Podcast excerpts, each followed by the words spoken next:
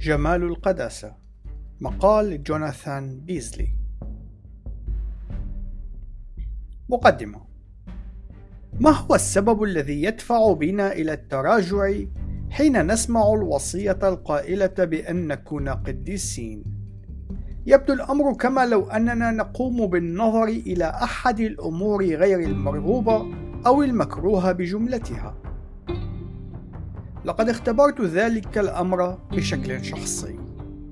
بعد استماعي إلى العديد من العظات التي تتحدث عن القداسة بكل صراحة غادرت محملا بشعور يمكن أن يوسم بالإحباط والإرهاق من الممكن أنك تود أن تجيبني قائلا لابد أنه الشعور بالذنب يا أخي إن الأمر الأكيد هو أن اتباعنا لأسلوب حياة غير مقدس هو أمر محزن لروح القدس وهو أمر محزن لنا أيضا.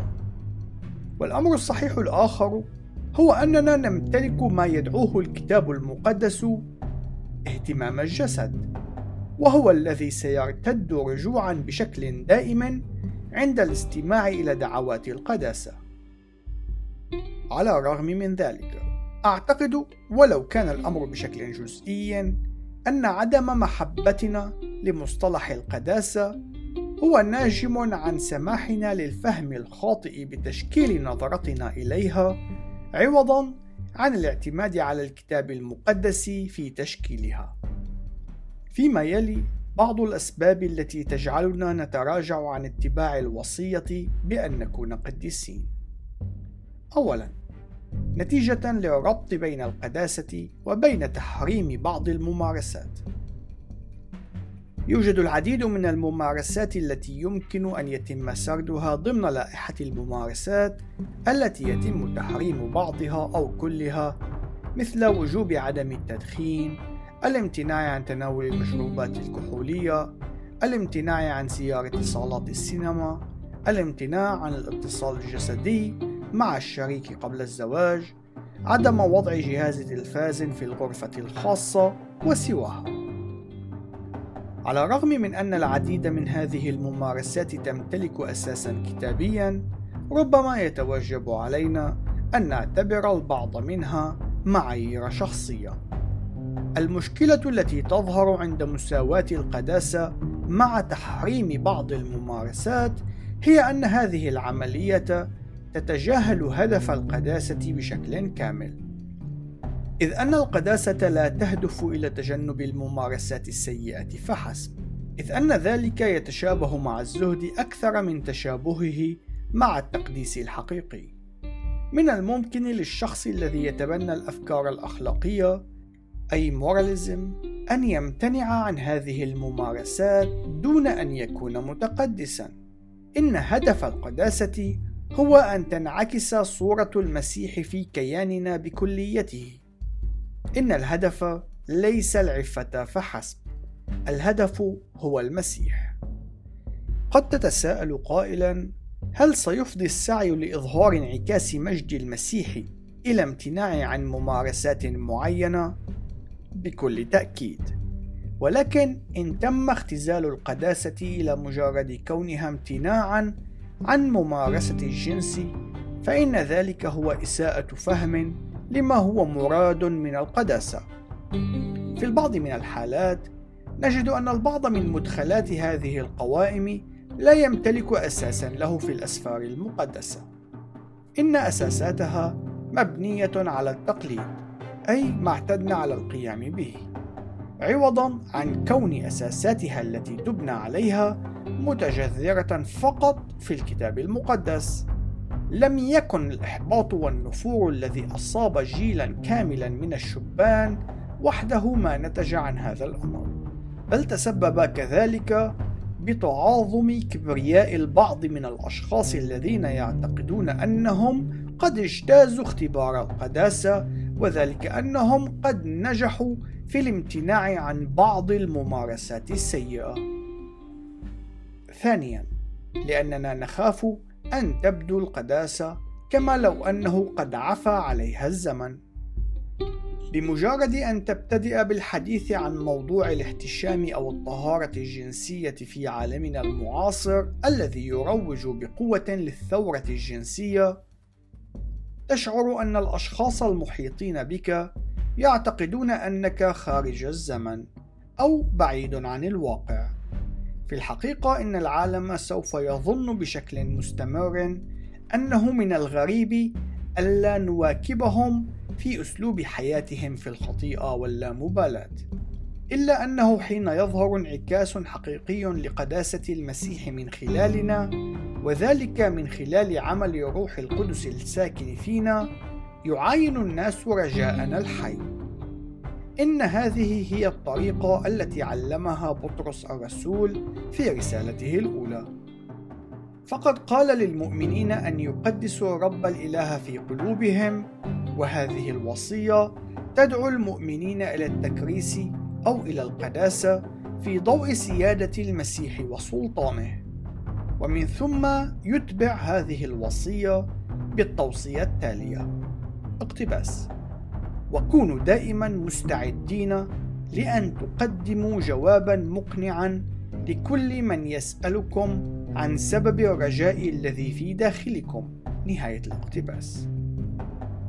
حين تنعكس قداسة المسيح المجيدة من خلال المؤمن فإن الذين من العالم لا يقومون بتمييزها على أساس أنها قداسة في حد ذاتها بل ينظرون إليها على أساس أنها رجاء كما يلاحظون الخصوصية التي تظهر جلية في ظل العقم والانكسار اللذان يحيون في ظلهما. على الرغم من أن تعاليم القداسة التي تتخذ الإنسان محورا لها قد باتت قديمة وعفى عليها الزمن فإن القداسة التي تتم من خلال شخص المسيح وعمله هي وثيقة الصلة بكل جيل ورؤية العالم لها هي حاجة ملحة. ثالثا نتيجة للتعارض المفترض بين القداسة وبين السعادة. هل سبق لك أن سمعت أحد الوعاظ القائلين: إن الله غير مهتم بسعادتك، إنه مهتم بقداستك. لقد سمعت هذه الكلمات في مناسبات مختلفة كما وأعتقد أنني قد قلت شيئا مشابها لها في الوعظ والتعليم الذي قمت بتقديمه في الماضي ولكن هذا التعارض إنما هو تعارض خاطئ ووهمي يمكنني أن أقول أنه إلى أن يتعلم المؤمن كيف تفيض سعادته وتنبع من الرب وفيه فإنه لن يكون مقدسا في ممارساته. لم تكن الرغبة في الحصول على السعادة ناجمة عن السقوط في الخطيئة، بل بالحري ظهرت نتيجة السقوط في خروج السعادة عن مسارها السليم. إن الله قد خلقنا لكي نحيا بسعادة وفرح به، ونستمتع بخليقته وبهبة الحياة التي منحنا إياها. إن الرغبة في الحصول على السعادة ليست هي المشكلة بحد ذاتها. إن المشكلة تظهر حين نعمل على استبدال المصدر الأصيل والحقيقي للسعادة ببدائل عن الله. فنحن قد نحاول إيجاد السعادة في الملذات أو في الشهرة أو امتلاك الكثير من الأشياء المادية عوضا عن سعينا إلى التشبع من المسيح وإيجاد الرضا فيه. من المثير للاهتمام كيف أن الناس يحاولون العثور على المحبة والفرح والسلام في العالم، آملين أن ذلك سيجعلهم سعداء حقًا، في حين أن المحبة والفرح والسلام هي بعض من ثمار الروح والتي نختبرها عندما نتشارك معه في قداسته. في الوقت الذي يمكنني فيه أن أقوم بتقديم المزيد من المسببات التي قد تقف وراء تراجعنا عند سماع الوصية القائلة بأن نكون قديسين فان ما سبق سرده قد يكون كافيا لنا لكي نلاحظ أن الكثير من التحفظات التي نمتلكها تظهر من خلال فهم خاطئ لقضية القداسة. لقد دعينا إلى عبادة الرب بجمال القداسة، وذلك خمس مرات في العهد القديم. وحين نبدأ بالسماح للكتاب المقدس أن يقوم بتشكيل نظرتنا إلى القداسة، فإنها تصبح مشتهاة وجذابة وبكل بساطة جميلة.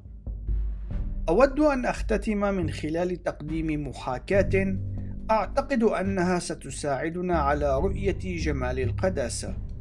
قم باستخدام ورقة وارسم عليها خطا يقسمها إلى قسمين، واكتب في أحدهما عشر صفات تنظر إليها باحتقار لدى الأشخاص الآخرين.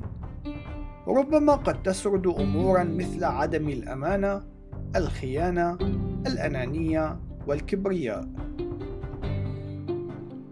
أما في القسم الآخر قم بكتابة عشر صفات أخرى تود أن تراها في الأفراد الآخرين.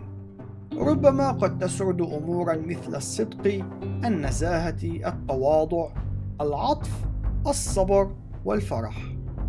الآن قم برسم دائرة حول كل واحدة من تلك الكلمات التي وضعتها في قسم الصفات المحتقرة وقم بوسمها بأنها غير مقدسة وهي كذلك. وارسم دائرة حول كل واحدة من تلك الكلمات التي وضعتها في قسم الصفات المرغوبة. وقم بوسمها بأنها مقدسة لأنها كذلك. إن الصدق والنزاهة والتواضع والعطف والصبر والفرح هي ما يغدقه روح القدس ليملأ المؤمن بجمال قداسته. لا تسمح للعالم أو للتعاليم الخاطئة أن تقوم بتشكيل رؤيتك للقداسة.